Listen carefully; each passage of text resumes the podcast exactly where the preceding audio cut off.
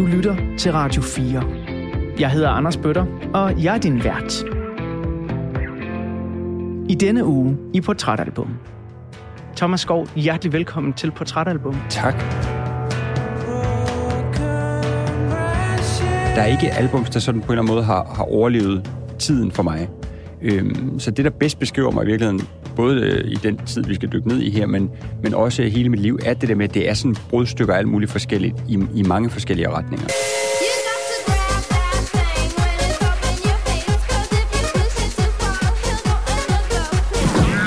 Så kørte jeg scooteren derud til Skyle, hvor hun boede, og hilste pænt på hendes forældre, som var så søde. Jeg gik op på værelset, og så sad vi lidt der og kiggede på hinanden og flettede fingre og hørte det der. Det var, det var simpelthen så dejligt.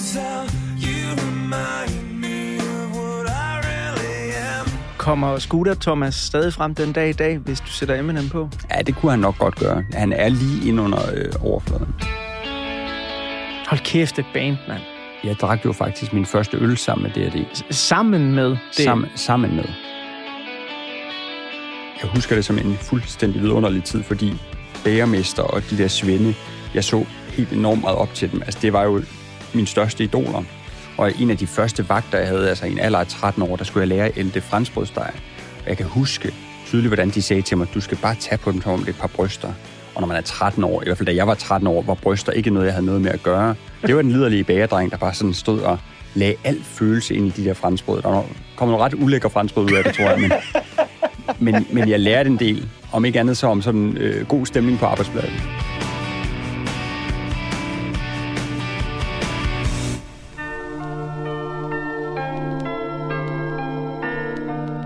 Rigtig hjertelig velkommen til en absolut anderledes udgave af Portrætalbum, end du er vant til her på Radio 4. I den her uge der er min gæst en hjertelig type, som ofte er garant for et godt grin. Han er en svejtserkniv af en underholder, som du både kender fra radio, hvor han brød igennem som praktikant for P3-succesen De Sorte Spejdere. Du kender ham fra tv, hvor han brød igennem som liderlig skilteholder i Vild med Dans. Og i nyere tid, så kender du ham måske fra underholdende podcasts, blandt andet sammen med makkeren Emil Torup, samt min sanden også fra forældre- og børnebogsmarkedet, hvor han blandt andet har brilleret med bøgerne, hvad en hver far bør vide, og senest snip, snap, snork. Han er 36, somre ung, bærer titlen PT som Head of Entertainment inde på hans voksenarbejde hos podcast-platformen Podimo. Thomas Skov, hjertelig velkommen til Portrætalbum. Tak. Tak for invitationen. Var det sådan en, en nogenlunde opsummering? Jeg ved godt, du har lavet meget andet end det også, ikke? Ja, især øh, titlen som liderlig skilteholder øh, har jeg aldrig fået før, men, men kan jo kende mig selv i den en til en. Ja, det er jeg glad for at høre. Øhm, jeg glemte faktisk at nævne en af mine øh, egne favoritter. Det øh, show, der hedder Hvad så nu? Du lavede med Geo, som ligger Nå ja, på øh, ja. TV2 Play. Ja. Det er også anbefalesværdigt. Øhm, og øh, så sidder du her på øh, Podimo som Head of Entertainment, men laver også dine egne ting. Mm. Stadigvæk. Ja. På det her tidspunkt i Portrætalbum, så vil jeg jo øh, normalt præsentere albummet, som det skal handle om. Men som jeg lige teasede for i begyndelsen af udsendelsen her, så kommer det til at være noget anderledes. Fordi øh, faste lyttere vil jo vide, at jeg elsker civil ulydighed. Og jeg elsker dem, der kommer ind og disrupter mit eget program, så jeg kan udfordre mig selv en lille smule. Og det har du gjort. Fordi du sagde til mig, prøv at høre, jeg er ikke albumtypen. Øh, og så sagde jeg til dem, hvad så med at sende en playliste? Mm. Og så sendte du mig ellers en helt fantastisk playliste, altså. Det er virkelig nogle dejlige ting, du har sendt. Men når jeg ser på playlisten, og sådan som jeg kender dig, så slår du mig også som sådan et forholdsvis musikinteresseret menneske. Så øh, hvordan kan det være, at du ikke lige har et forhold til et værk, altså et album? Men Jeg tror, som det også vil gå op for os alle sammen, når vi øh, dykker ned i playlisten, så er det en, en blanding af alle mulige forskellige øh, krydderier. Og, det der med at, ligesom at have albummet, som definerede, hvem er jeg, eller et album, der har fulgt mig øh, gennem mit liv, det, det, jeg, jeg, jeg vil ikke sige, at jeg var presset over at skulle finde et, men, men jeg, jeg ledte virkelig. Jeg ledte derinde, jeg ledte i min gamle CD-samling, jeg ledte sådan i, i min hukommelse. Men der er ikke albums, der sådan på en eller anden måde har, har overlevet tiden for mig. Øhm, så det, der bedst beskriver mig i virkeligheden, både øh, i den tid, vi skal dykke ned i her, men, men også hele mit liv, er det der med, at det er sådan brudstykker af alt muligt forskelligt i, i mange forskellige retninger. Men det siger vel også noget om dit professionelle virke, fordi ja, man får tit et godt grin i selskab med dig, men det stikker jo efterhånden også i mange forskellige retninger. Altså, du har også lavet en podcast efter din fars død, som jo havde en noget mere seriøs tone i det. Så, så playliste-ting, det passer vel også meget godt på, hvad du går og laver? Jeg havde øh, aldrig troet, jeg skulle sige det, men, men det, at både øh, Cargo og Pornstar kan være på samme album som øh, Radiohead, Ja. Det er måske i virkeligheden et, et tegn på, at man er mange facetteret. Ja. Den playliste, du har sendt mig, det er sange fra din gymnasietid. Den løber fra 2002 til 2005. Jeg har valgt, at vi lige zoomer ind på året 2003. Øh, det er dels af en praktisk grund, for det er der ikke andre gæster i Portrætalbum, der har valgt før, så det kan jeg godt lide at dykke ned i noget, jeg ikke har haft med at gøre før. Og så er det også fordi, at der sker en masse fede ting øh, i musik lige i det år der. Og du har jo sendt mig en playliste, der er alt for langt til det her program, så jeg har tilladt mig simpelthen at, at hugge nogle forskellige ting ud, men også at prøve at gøre den så skizofren, som playlisten rent faktisk er. Fedt. Men jeg synes, vi skal starte med en pleaser øh, mm. til den helt brede befolkning. Din navnebror, Thomas. Thomas Helmi med ja. Stupid Man. Åh, oh, skønt. hvor, hvor er du i dit liv i det i 2003, første gang man hører den? Jamen faktisk, det, det, den, den første koncert, jeg nogensinde er til, er i Herning Kongresscenter, hvor jeg er afsted øh, med min mor.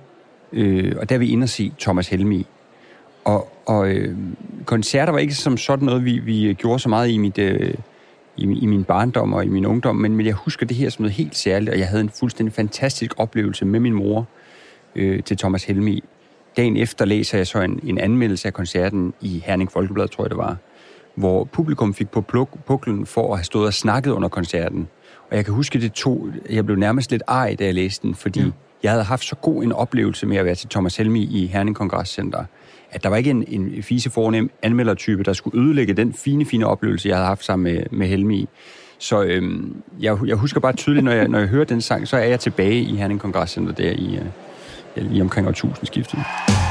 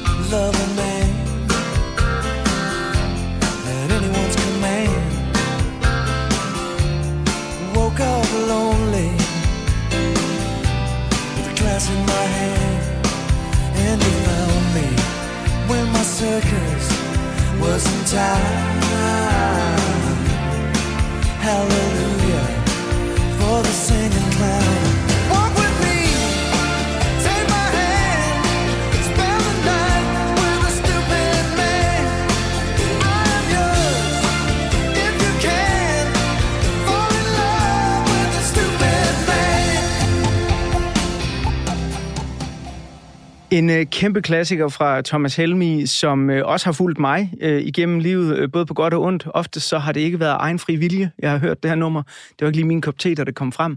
Men jeg vil sige, i mine senere år, hvor man er blevet lidt mere afrundet og lidt mindre medlem af musikpolitiets fascistoide regiment, så kan man godt nyde sådan en her også. Har du, har du mødt øh, Thomas Helmi? Nej, jeg, jeg har stået ved siden af ham og, og været for starstruck til at sige hej. Og det, der, der vi, inde, vi skal måske ikke snakke så meget mere om ham nu, men, men, men han er stadig en af de øh, vil sige, eneste mennesker i det her land, der kan gøre mig helt sådan perpleks og starstruck. Ja. Jeg møder ham på et tidspunkt på Tinderbox, et år, hvor han både havde spillet på Northside og på Tinderbox. På Northside havde jeg urelateret til Helmi, men fået så dårlig mave, jeg var nødt til at gå hjem midt i koncerten. Og af en eller anden grund føler jeg behov for, da jeg så møder ham på Tinderbox, og fortæller ham det.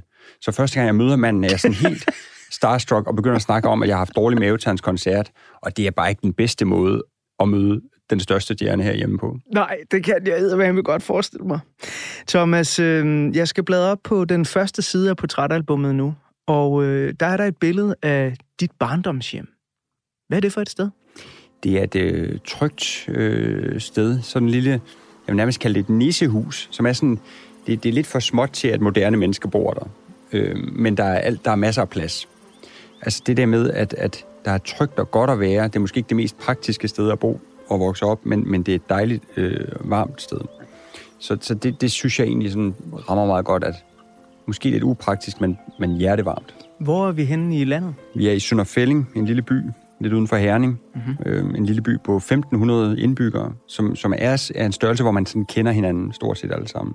Øhm, og det der med at vokse op i sådan et lille trygt samfund, hvor man på en måde kender hinanden, det tror jeg har præget mig resten af mit liv. Det der med sådan at føle sig tryg i vand, der rammer, og føle sig tryg i, at man ved, hvem hinanden er, og man passer en lille smule på hinanden.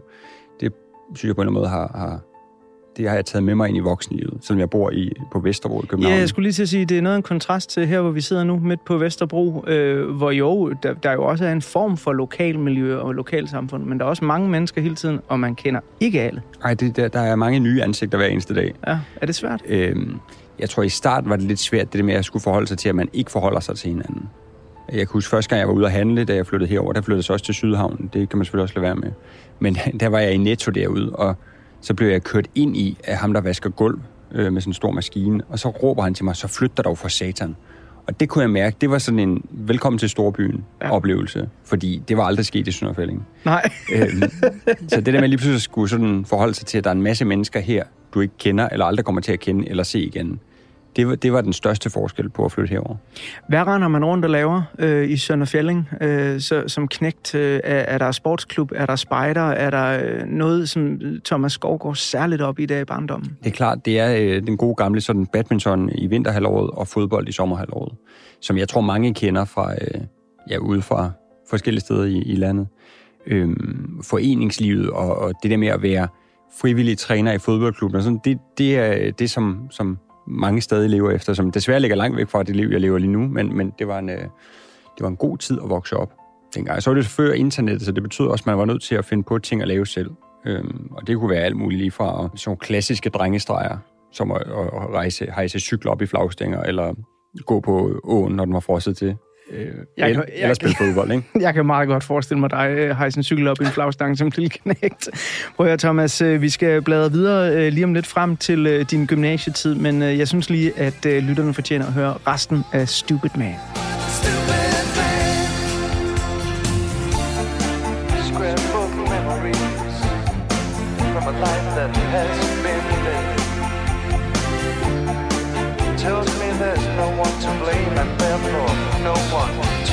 fall.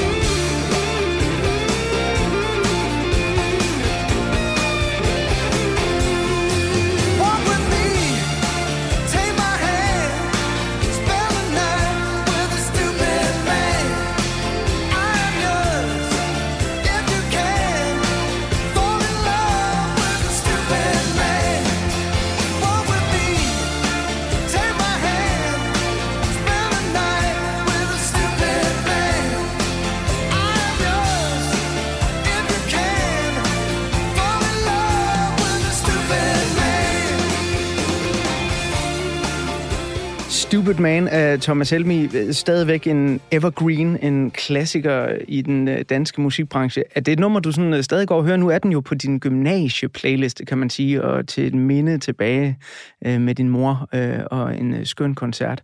Men er det noget, du sætter på derhjemme? Mm, der kan godt være Helmi i dag, det kan der godt, hvor den så er der. Øhm, jeg tror, det er meget sjældent, jeg målrettet sætter den på, men det er også en sang, jeg ikke skipper henover. Det er en god måde at sige det på. Vi øh, lander i år 2003.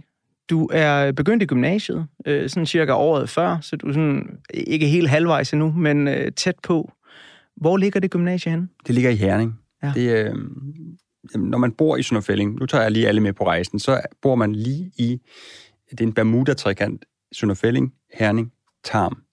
Så du sidder der og skal vælge, skal du gå i gymnasiet i Tarm eller i Herning. Og der valgte jeg så at gå i gymnasiet i Herning, fordi jeg synes, Herning var lidt en større by. Det var ikke, fordi jeg havde fået storhedsvandvid, men jeg kunne godt lide at gå i, i gymnasiet i Herning. Så det blev Herning Gymnasium. Og øhm, i 2003, hvis du kigger tilbage og forestiller dig et billede af dig selv der, mm. hvem er Thomas Skov på det tidspunkt? Jeg tror, han var meget i tvivl om, hvem han egentlig var. Ikke sådan noget kritisk, men mere sådan famlende. Lidt ligesom mange unge mennesker er og skal være. Øhm, det der med sådan jeg troede på det tidspunkt, jeg skulle lære at spille guitar og blive musiker. Jeg havde fået langt hår, fordi jeg synes, det så fedt ud.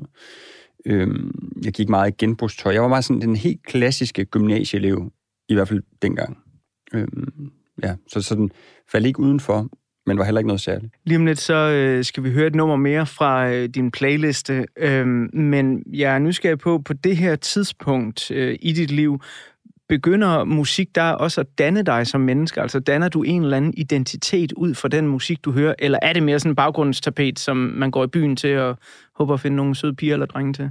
Jeg vil sige, i og med, at jeg købte en guitar, og tænkte, at jeg skulle lære at spille på den, så tror jeg, at jeg vidste godt, hvad der ligesom var cool at sige, man hørte. Ja.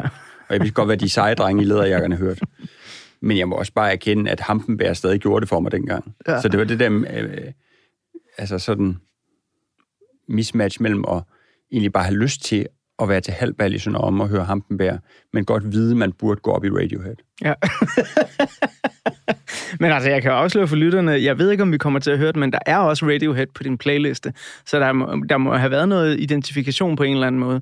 Øhm, vi øh, skal, ja, jeg har jo næsten lyst til at spille Hampenberg nu, men, men jeg venter lige lidt, så jeg ikke fucker mit eget øh, manuskript op, fordi det ville bare være så nærliggende. Fordi øh, jeg synes for mig, der øh, gymnasietiden, det, det handlede dels jo om at, at finde sig selv, øh, og det kunne være en meget famlende proces men det handlede også nogle gange om at tabe sig selv lidt. Altså man bare give slip, mm. få skuldrene ned, og prøve at få nogle af de der sindssyge oplevelser, man nu kan have, når man er mellem hvad, 15 og 20 år et eller andet sted. Ikke? Så vi skal høre Eminem med Lose Yourself ja, lige om lidt. Fedt. Æh, hvad, øh, hvad er det for en sang for dig øh, på det her tidspunkt? Jamen, jeg tror, i og med det der med, at man ikke rigtig havde internet, så var man tit bundet af at underholdes af dem, der havde flest ting øh, forstået på den måde, at jeg havde en ven, der hed Kasper, som altid havde alle de nye DVD'er. Øhm, og han havde også øh, 8 Mile. Ja. Hedder den ikke det? Jo, jo. filmen. Ja, Fantastisk film. Øhm, og den sad vi tit og så om på hans øh, drengeværelse. Øhm, og følte os som Eminem. Vi følte os i hvert fald lige så seje som Eminem.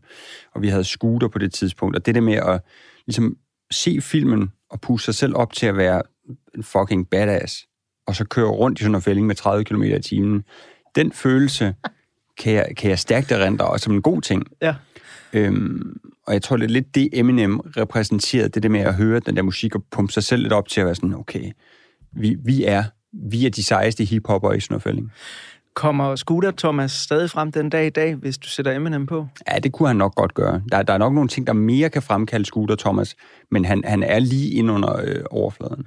Hvordan så din scooter ud? Den var blå. Det var en stor PGO Dr. Big, som øh, havde været trafikskadet, men så var den blevet repareret ind på et scootercenter i Herning. Og så købte jeg den for 10.000 kroner. 10.000 kroner? Sindssygt mange penge, også dengang. Og har du sparet sammen fra konfirmationen af, eller hvad? Jeg havde job på, på, øh, hos bæger, bægeriet i Sønderfælling. Så hver weekend arbejdede jeg hos bægeren der, og så lagde jeg lidt til siden. Hvad, så, hvad lavede du på bægeriet? Jamen, jeg var øh, arbejdsdreng, så det var noget med at franskbrødsteg og rulle trøfler og no. alt det, som...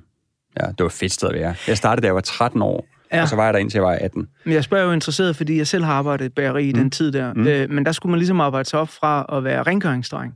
Okay. Øh, og jeg fik aldrig ligesom den der guldmedalje i rengøring, øh, til at jeg så måtte komme hen og bruge ældemaskinen. Nej. Så jeg forblev rengøringsdreng, øh, hvor jeg så til gengæld kunne gå for mig selv efter, og bæren han jo så var gået i seng øh, og høre Shiv 413. Så det formede mig jo også rent musik- musikalsk, ikke? Men du fik simpelthen lov til at elde dejen. Og sådan. Det gjorde jeg. Og det, det var, altså, jeg husker det som en fuldstændig vidunderlig tid, fordi bæremester og de der svende, jeg så helt enormt meget op til dem. Altså, det var jo min største idoler. Og en af de første vagter, jeg havde, altså i en alder af 13 år, der skulle jeg lære at ælte franskbrødsteg.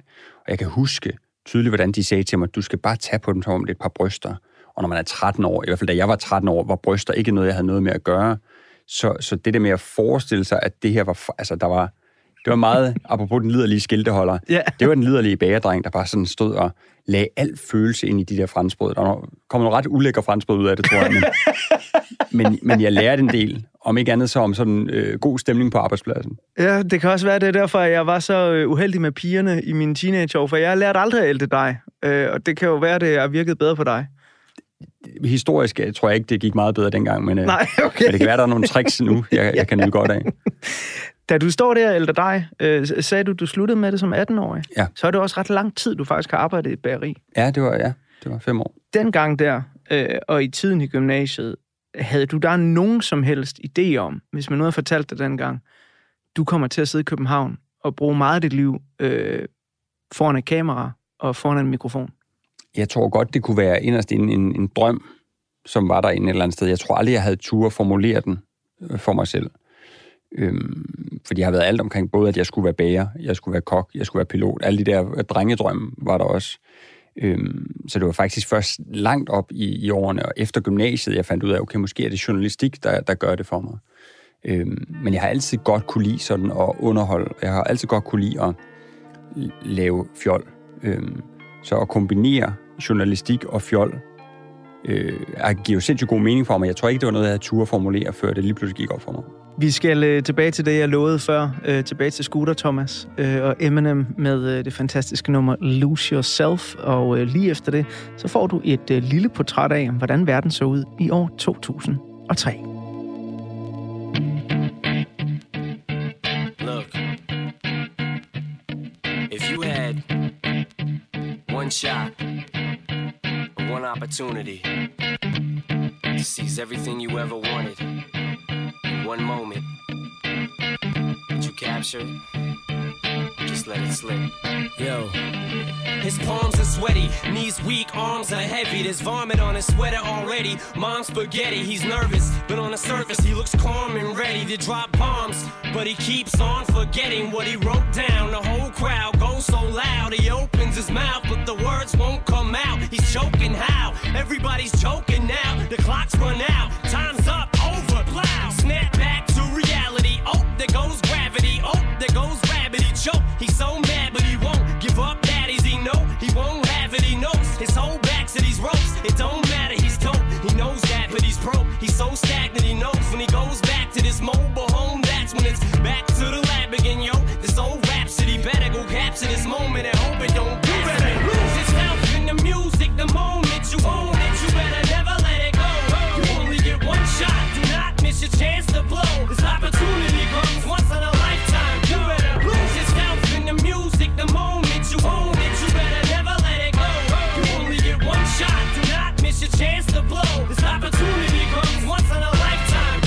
Thomas Skovs playliste tog der her med tilbage til hans gymnasietid i 2003. Og den tid, den øh, skal vi høre mere om senere. Men lige for nu, der vil jeg traditionen tro spole tiden tilbage til netop den tid, hvor Thomas Skov han falder over den her herlige musik, der skal hjælpe til med at tegne et portræt af ham. For hvad skete der egentlig her til lands og ude i den store verden i det år, hvor Thomas Skov gik og lyttede til både Hampenberg og måske lidt Radiohead. Det kan du blive klogere på, når jeg nu ved Public Service servicerer dig med nogle af overskrifterne fra året 2003. 2003 starter dramatisk i det ydre rum. For den legendariske amerikanske rumfærge Columbia, der tog sin første rejse i 1981, skal pensioneres. Den 16. januar opsendes Columbia på sin sidste rejse nogensinde. Et rørende øjeblik for raketnørder og astronaut Opsendelsen går rigtig fint, men hjemturen ender tragisk. Den 1. februar 2003 bryder Columbia for sidste gang nogensinde igennem jordens atmosfære. Men noget går helt galt, og Columbia brænder op på himlen over Texas. Alle syv ombordværende astronauter. Witnesses reported seeing several flashes of light. A minute later, four sensors in the shuttle's damaged left wing mysteriously went offline. Columbia shed a heat-resistant tile as it crossed from New Mexico into Texas at 8:58, and a final unintelligible communique came from the orbiter a minute later. Men det er ikke kun i den texanske ørken, at USA oplever tragedie og død. Det er nemlig i 2003, at Irakkrigen tager sin begyndelse, og USA i deres ret desperate jagt på de terrorister, der stod bag terrorangrebet på World Trade Center to år forinden, ser ud til at ville gøre nærmest hvad som helst for at overbevise især FN om, at diktatoren Saddam Hussein samarbejdede med Osama bin Ladens terrornetværk Al-Qaida – og også gemte masseødelæggelsesvåben i Irak. Den 5. februar fremlægger udenrigsminister Colin Powell i hvert fald meget tvivlsomme beviser for FN's Sikkerhedsråd. Beviser, der senere skal vise sig at være helt forkerte. For Irak samarbejdede ikke med al-Qaida, og de havde ikke masseødelæggelsesvåben. Så Irakkrigen, der varede næsten 10 år og kostede flere danske soldater livet, blev altså ført på et falsk grundlag, og desuden uden et FN-mandat. Colin Powell har senere kaldt sin tale for FN's Sikkerhedsråd for hans livs største fejltagelse og fortrydelse. I understood the consequences of that, of that failure, and as I've said on many occasions, I deeply regret that the information was wrong. Men det er desværre ikke kun i alverdens ørkner, at der finder meningsløse hændelser sted. 2003 er nemlig også året, hvor den svenske udenrigsminister Anna Lind bliver stukket ned af en sindsforvidret mand, da hun er på indkøb i et varehus. Hun dør dagen efter af sine kvæstelser. Anna Linds morter blev i dag idømt livsvarigt fængsel ved byretten i Stockholm. Det var som ventet en meget klar dom uden formidlende omstændigheder og en 100% opbakning til anklagerens linje. Men hvis man gerne vil flygte lidt fra al den her død og ødelæggelse, så giver både Tossekassen, sportens verden og biografens mørke rig mulighed for en sund pause i 2003. Det er nemlig året, hvor Disney Channel, langt om længe vil nogen af os sige, endelig bliver tilgængelig i Danmark. Det er også året, hvor Danmarks ishockeylandshold helt sensationelt vinder en VM-kamp med cifrene 5-2 over selveste USA. Og i Tour de France, der går det også fremragende. Den danske cykelrytter Jakob Pil vinder nemlig den 219 km lange etape fra Gap til Marseille. Jakob Pil kommer tilbage, det er fantastisk. Jakob Pil, kør den hjem, Jakob Pil vinder. Og inde i biografen, der står den både på gode grin, sci-fi og storslåede eventyr. Årets mest sete blockbusters er Jim Carrey-filmen Bruce Almighty, den første Pirates of the Caribbean-film, den anden film i Matrix-franchisen, Pixars fantastiske farfortælling Finding Nemo, som, og det her står ikke til debat, er en af verdens bedste film. Men årets mest sete film er ganske fortjent afslutningen på filminstruktør Peter Jacksons mastodont-serie Ringenes Herre. Den tredje og sidste film, The Return of the King, bliver en gigantisk succes i 2003 og vinder hele 11 Oscars året efter. And the Oscar goes to It's a Clean Sweep. The Lord of the Rings, The Return of the King. Men når vi ikke går og drømmer os væk til Rivendell, Mount Doom og The Shire, så er 2003 faktisk et ret hæftigt år for politiske skandaler herhjemme i vores lille andedam. Der er blandt andet i visse dele af befolkningen stor modstand mod statsminister Anders Foghs nære relationer til USA's præsident George W. Bush og Danmarks deltagelse i Irakkrigen. Men det er også i 2003, at et enigt folketing ophæver den tidligere farmborgmester Peter Brikstoftes immunitet, så han kan blive sigtet og dømt for sin embedsførelse. Og når ja, så er der jo også historien om trafikministeren, der måtte træde tilbage fra sin post som næstformand i Færdsels Sikkerhedskommissionen, fordi han var blevet stoppet af politiet, efter at have kørt 173 km i timen på en motorvej. Af andre korte overskrifter, så bør vi lige have med, at det er i 2003, at dronning Margrethe giver sin officielle tilladelse til, at kronprins Frederik kan gifte sig med den australsk-britiske statsborger Mary Donaldson. Det er også året, hvor hele Sjælland, Sydsverige, Bornholm og Lolland Falster rammes af et massivt strømsvigt. Og så er det året, hvor boghandlernes skyldne laverbær gives til Jakob Ejersbo for den voldsomme roman Nordkraft, der to år senere filmatiseres med blandt andet en storspillende Thor Lindhardt i en af de bærende roller som junkien Steso. Jeg er afhængig. Jeg stiller gerne op og bekender, at jeg er misbruger. Misbruger af stesolid, LSD, coke, heroin, metadon, opium, røgnoler, crystal meth, psyloketokaner, meskaliner, vitaminer, C-vitaminer, D-vitaminer og hashish, pot, no, skunk. Og nu vi er ved det litterære, så vil jeg slutte af med en historie fra bibliotekernes verden. Det er nemlig i 2003, at det afsløres, at en tidligere medarbejder fra det Kongelige Bibliotek i København har haft umanerligt lange fingre. I løbet af 10 år, fra 1968 til 78, stjal vedkommende værker til en anslået værdi af 150 til 300 millioner kroner. Det var som en måske lidt sølle ansat på biblioteket, som tog bøgerne med hjem og opbyggede en imponerende samling. Et forsigtigt skøn fra det kongelige bibliotek lyder, at tyven stjal bøger med hjem for omkring 217 millioner kroner. Med familiens hjælp solgte han en lille del af bøgerne, mens resten blev stående i privaten.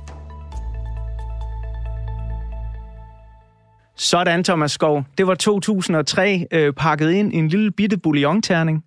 Øh, jeg er sikker på, at der er noget af det, når du hører det her i 2022, som du godt kan huske. Men dengang, hvor du går i gymnasiet, øh, elsker din scooter, prøver at puste op til Eminem og Hampenberg, er der noget af det her, du følger med i? Øhm, jeg vil sige, ham, der kørte 173 km i timen, det er jo fuldstændig forduftet fra min hukommelse. Ja, jeg tror heller ikke, det var sådan en, en kæmpe overskrift over alt det landet. Det var Nej. bare, jeg faldt over den og tænkte, det er alligevel meget vildt, at Det- det næstformanden for Færdselssikkerhedskommissionen Det er voldsomt fart at skyde. Ja. Øhm, men klart, rumfærgen, husker jeg nu, øh, Irakkrigen fyldte naturligvis, fordi at i gymnasiet, der skal man ligesom være lidt med på, hvad der foregår. Mm. Øhm, så jeg kan godt huske noget af det, men jeg vil også sige noget af det, jeg måske har mest ind i hovedet. Det er sådan noget med Tour de France og sådan nogle øh, ishockeykampe og sådan noget. Det, det er ligesom om, det er lavet inde i hukommelsen eller på en eller anden måde. Ja. Så det kan jeg tydeligt huske. Hvad med øh, filmene i 2003, hvis Thomas Skov skulle i biografen? Var, var du der mest en, en Matrix-fyr, en Finding Nemo, noget Jim Carrey eller Jeg nok, jeg var nok mere Jim Carrey, end jeg var øh, Matrix. Se, det overrasker mig ikke. Nej. Ja, ja, fordi jeg synes faktisk, der, og det skal du tage som et stort kompliment, jeg synes, I har nogle ligheder Okay. øh, i jeres komik, Ja. både fysisk og, og måden at, at fremføre jeres sprog på. Øh, så altså, var du sådan, kan man kalde dig Jim Carrey-fan igennem øh, ungdommen? Ja, det kan man nok godt øh, kalde mig. Altså, jeg, jeg, jeg kunne godt lide sådan nogle øh, humoristiske film, og jeg kunne især godt lide ham. Så, så det, øh, det, det øh, tager jeg som kompliment. Jamen, det skal du også. Hvorimod, sådan Ringens Herre har jeg faktisk aldrig set. Øh, og det kan jeg godt mærke, at i nogle selskaber, når jeg siger det, så er der en vis forarvelse over, at jeg ikke har set det. Jeg tror, Øhm, hvis du havde mødt mig i 2003, så havde der været en stor farvelse. Ja. Så havde der været en af de der øh, fordømmende, jeg er en ung mand på nogle af 20, der ved alt om verden. Ja. Ja. ja. men, øh, og jeg kan, jeg, det er heller ikke uvilje mod det, men jeg tror bare, at jeg fik det ikke set dengang, og det er som om at sætte ni timer af til at se det nu. Jeg ved ikke lige, hvornår det skal ske, men det skal ske på et tidspunkt. Ja. Når øh, man så kommer ud fra den øh, lille by der uden for Herning, har en tryg og dejlig barndom, hvor man spiller fodbold i sommerhalvåret og badminton i vinterhalvåret, og så kommer ind til det store Herning Gymnasium, den store by. Øh, hvad øh, begynder interesserne så at være? Altså holder du fast i, i nogle af de her sportsting, eller er det piger og bajer og den der guitar, du har købt? Det vil sige, det gitaren holder, holder fast. Altså, der, går, der går en del år, inden jeg indser, at jeg ikke kan finde ud af at spille på den, og det kan jeg virkelig ikke. Øhm, jeg, jeg kan huske, at jeg fik et råd lige da jeg købte den fra øh, faktisk en af bæresvendene, der sagde, sørg nu for at få noget undervisning, sørg nu for at lære det. Og jeg tænkte, ja, jeg, jeg kan bare, jeg kan bare øh, finde nogle øh, tabs på nettet, og så lære det selv. Det kunne jeg så ikke. Øhm, så jeg tror på et eller andet tidspunkt, der går det op for mig, at jeg kan ikke, jeg kan ikke spille på den her. Det går ikke. Øh, og det kan jeg godt fortryde, at jeg ikke fik lært dengang. Men jeg tror, mu- musikken øh, og, og den der identitet, der var forbundet med at have en guitar og have et band, og nu laver jeg gåsøjne, det kan man selvfølgelig ikke høre, Nej, men, men at have et band, øh, den kunne jeg godt lide. men, men havde du nogensinde et band? Vi havde øh, noget tid i øvelokalet på, musik, på gymnasiets øh, musiklokale, hvor vi, hvor vi sad og lød, som om vi spillede. Men det eneste, jeg har optrådt med på gymnasiet, det var øh, vores band, der hed Tupperware Gigolos, hvor, hvor jeg havde fundet ud af, at jeg kunne spille blokfløjte med næsen, Ja, og jeg havde en ven, der kunne spille vaskebræt, og så havde jeg Christian, der spillede øh, jødeharp. ja. øhm, så det er det eneste, vi nogensinde har optrådt med. Og det er måske også meget godt i tråd med, hvordan det så sidenhen gik. ja. Hvordan kom vi på det navn? Top, Tupperware Gigolos? Kaspers mor gik til sådan nogle Tupperware parties. Øhm, og så tror jeg godt, vi kunne lide tanken om, vi var nogle gigolos. det, ja, det var ikke øh, stor kunst, men jeg tror rent faktisk, at vi nede i min ven Anders' kælder, fordi han havde noget optageudstyr dengang, øh, vi optog en øh, CD med Tupperware Gigolos, hvor vi spillede både Stille Nu og, øh, hvad hedder den, Peter slår på en hammer. Ja, øh, det ringer en lille klokke. Peter slår på en hammer, en hammer, en hammer. Peter slår på en hammer hele dagen lang. Ja, Da, da. Øhm, ja. De to sange indspillede vi. Mhm. I to versioner. En, hvor jeg spillede med munden, og en, hvor jeg spillede med næsen. Og så holdt vi en pladereception op i, øh, på gymnasiet, fredagscafé, hvor vi fik lov til at, at optræde. Øhm, så det er det eneste, jeg har optrådt med med musik i gymnasiet. Desværre. Jamen altså, jeg vil da gerne pitche en ny idé ind til dig. Øh, Thomas skal lære at spille. Ja. Altså, og så, vi, så, så kan du gøre det til en podcast eller et tv-program, men tag den op igen. Jeg vil elske det. Jeg, jeg tog faktisk øh, for et par år siden af klaverundervisning, fordi jeg tænkte, nu skal det være. Øhm, og så fordi, nu nævnte du det der snip, snap, snork, som er godnat-historie, men det er også godnat-sange, og det laver jeg sammen med Martin Sommer og så Emilie, jeg er gift med. Og de er sindssygt musikalske, og jeg kunne godt tænke mig ligesom at forstå lidt af det sprog. Mm. Jeg kan godt høre, når en sang er god, og hvad det er, den kan, og jeg kan også godt hjælpe med at skrive nogle tekster til de her melodier, som jeg kunne godt tænke mig at komme lidt tættere på musikkens sprog, så jeg tog noget klaverundervisning, og så kom corona som en stor fed lort og sætte sig oven på klaveret, så jeg har faktisk ikke fået det taget det op sidenhen. Men, men, øh, men ambitionen om på et eller andet tidspunkt at sætte mig øh, og lære det, den, den er til stede. Men du ikke, altså jeg har jo, jeg bliver jo tit spurgt, om jeg selv spiller noget, fordi alt, hvad jeg beskæftiger mig med, det handler om musik. Så det ville da være mærkeligt, hvis jeg ikke selv spillede noget. Og, og jeg, jeg siger altid, at, at jeg virkelig ikke kunne tænke mig at lære det, fordi at så ville den sidste rest af sort magi forsvinde fra mit liv. Jeg forstår det ikke, hvad der sker rent teknisk, og det synes jeg er en kæmpe fordel, fordi så kan det tale til mine følelser. Mm. Vil du ikke være bange for, hvis du nu lærer det hele, at der så vil være nogle af dine musikalske helte, hvor du opdager sådan, gud, er det så banalt, det han laver? Er det Red Vashava, du snakker om der? Det kunne det godt ja, jeg, jeg vil sige, jeg tror, der er et langt stykke fra, at jeg, jeg lærer øh, lidt om noget og lærer at spille øh, øh, et lille stykke Beethoven, til at jeg rent faktisk får, får ødelagt magien. Øh, det tror jeg, der er et stykke vej hen til. Okay. Jamen, så kan jeg jo øh, tilspørge dig nu, øh, Thomas Skov, på det her tidspunkt i programmet, vil du helst høre Nickelback, eller vil du helst høre Red Vashava? Jeg vil helst høre Red Vashava. Okay. Jamen, så, så, så kommer de her. Han kommer nemlig ikke. Hun sutter gren, og hun gør det faktisk rimelig herligt. Barbie dukke kendt, han var ikke noget sex, for han er nemlig homoseksuel. I Barbie dukkeland er der ingen andre mænd, så Ken han er alene med sig selv. Der leges hele dagen i Barbie dukkeland, men Barbie dukke Ken, han vil have en rigtig mand. I Barbie dukkeland, der leges hele dagen, men Barbie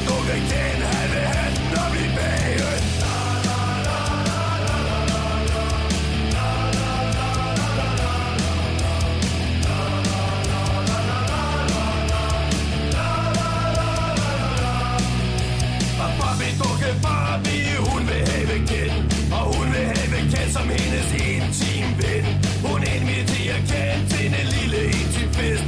Men Ken vil hellere lege, lege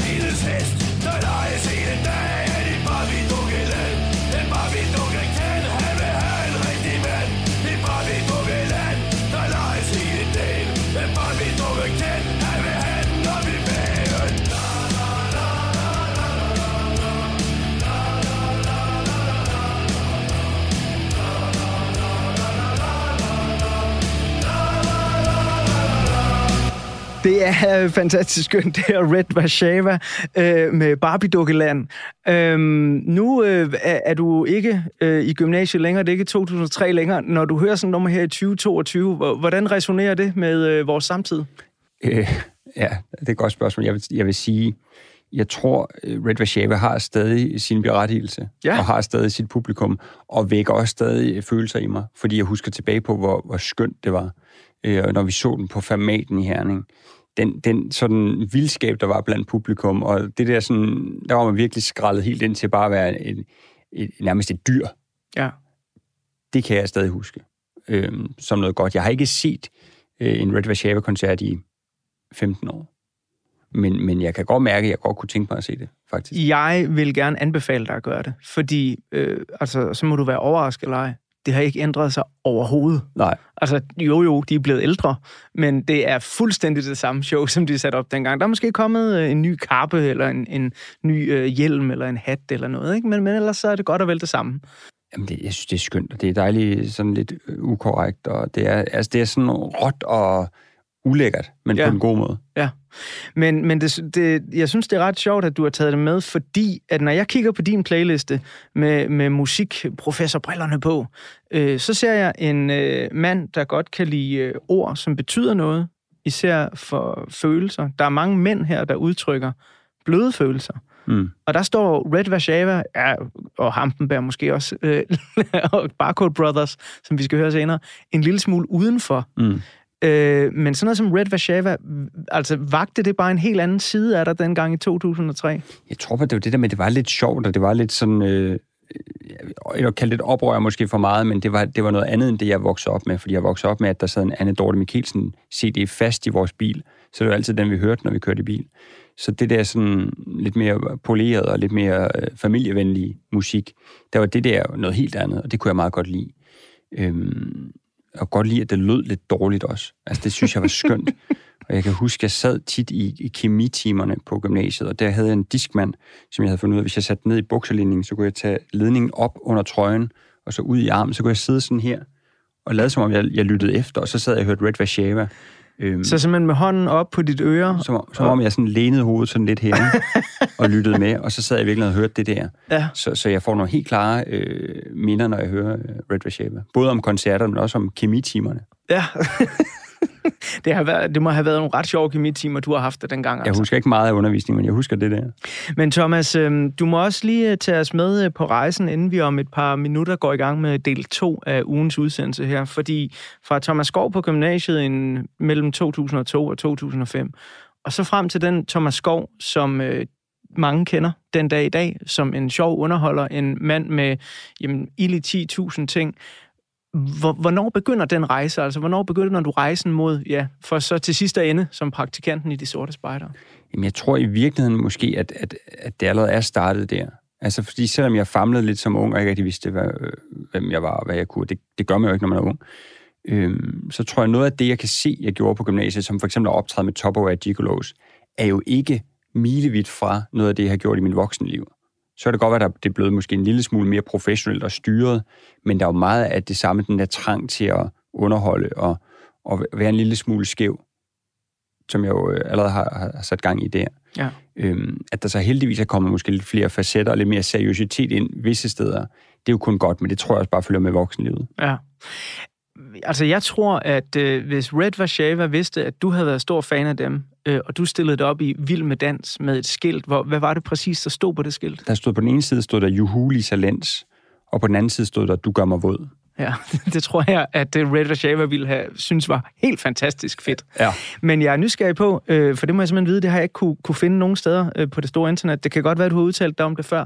Hvordan slap du ind med det skilt i et Vild med Dans-studie? Man kan sige, der var... Øh der var den fordel, at på den ene side stod der bare det her Juhuli Salens. Og så, så øh, havde vi nogle kontakter fra sådan tv, der synes, det var meget hyggeligt at komme ind og sad der med det der skilt, hvor der stod Juhuli Salens. Men, men der, hvor vi ligesom måske misbruger tilliden, det er, at de har ikke set, hvad der står på den anden side. Så det var i virkeligheden, det var det, der, der fik øh, balladen til at ramle, ikke? Ja. At, at jeg vender skiltet om. Så fordi hvis jeg bare havde med et skilt, hvor der stod Juhulia Saland, så var det aldrig blevet noget, man som sådan huskede. Nej. Det havde bare været meget sødt og sådan lidt øh, nørdet.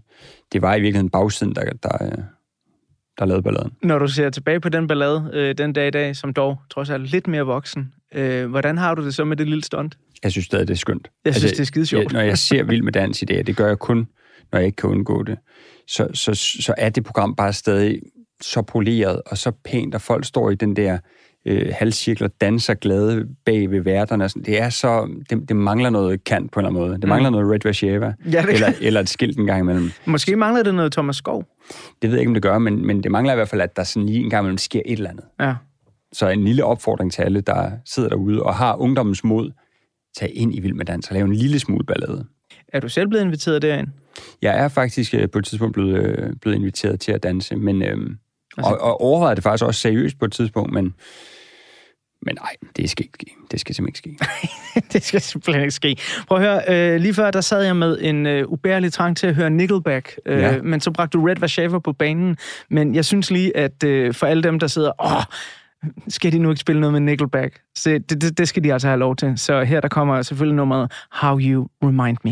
Never made it as a wise man I couldn't cut it as a poor man stealing. Tired of living like a blind man. I'm sick of aside without a sense of feeling, and this is how you remind me. This is how you remind me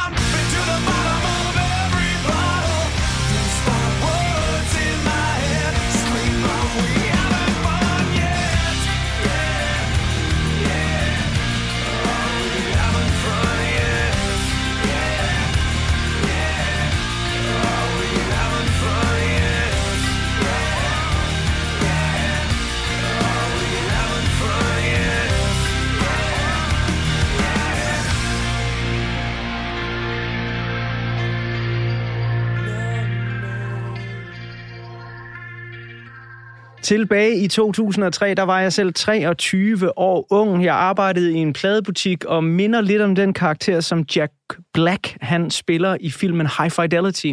En Mr. Know-It-All, øh, som virkelig bare ikke kunne lide Nickelback.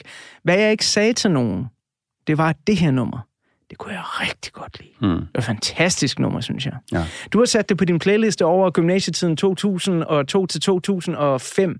Hvad var det for et nummer, og har du nogen sådan idé om, hvornår cirka du støder ind i det, eller hvordan man støder ind i det? Er det bare sådan noget, der er i bølgerne? Jeg vil tro, at jeg har hørt det i Boogie. Ja. Altså, jeg vil næsten tro, at det er den vej, det er kommet ind. Øhm, fordi jeg kan godt komme i tvivl om, hvordan musik ligesom fandt vej til mine ører dengang. Det var noget med at tage i stereostudio, når jeg havde fået løn, øh, og købe CD'er. Jeg har så mange CD'er derhjemme, jeg har købt i de der år. Øh, jeg havde en idé om, at jeg skulle bruge mine penge, hver gang jeg fik dem. Øh, så jeg købte de der CD'er.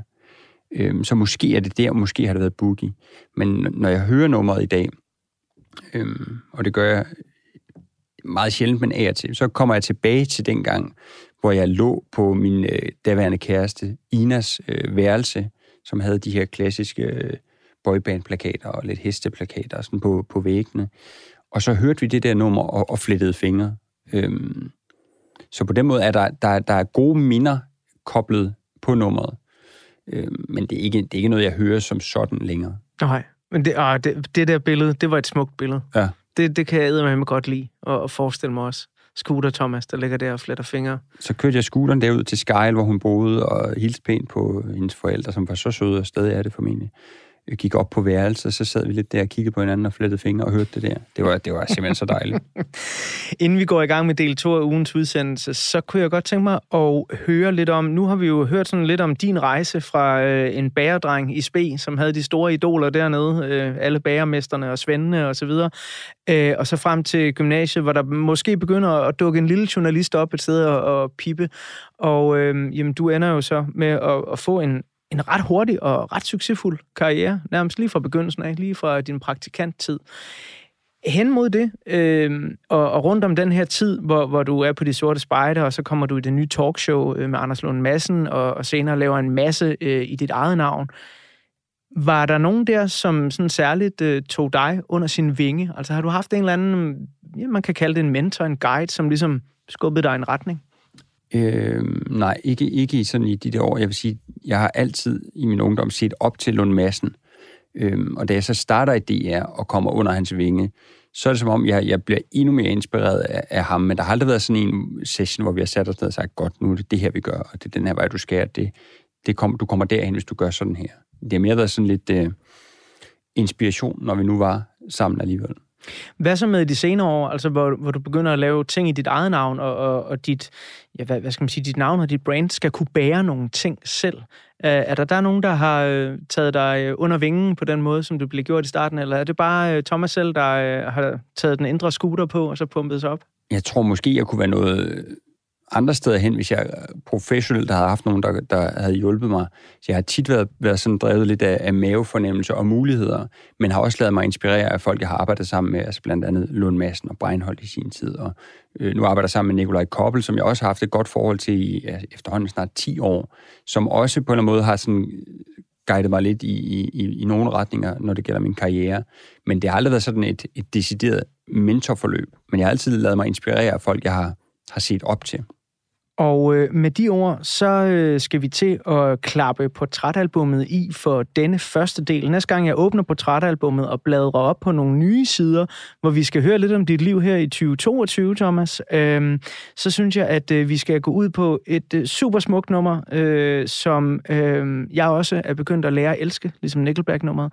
Øh, Sabia, da de kom frem. Der stod jo også pladebutik, og der kan jeg huske, at jeg satte det på, kunne meget godt lide det, og så gik min chef, der vel har været på det tidspunkt midt 40'erne, altså en små 20 år ældre end mig, øh, gik han rundt og vrissede lidt, øh, men endte så med at sige, nå ja, når nu Radiohead ikke gider lyde som Radiohead længere, så er der jo andre, der må gøre det.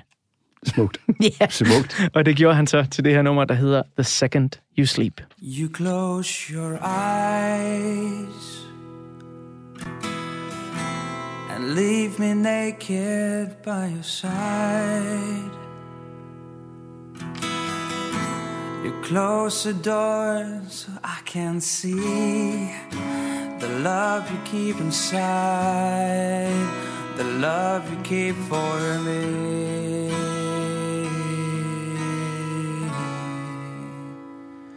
It fills me up. It feels like living in a dream. It fills me up so I can see the love you keep inside, the love you keep for me.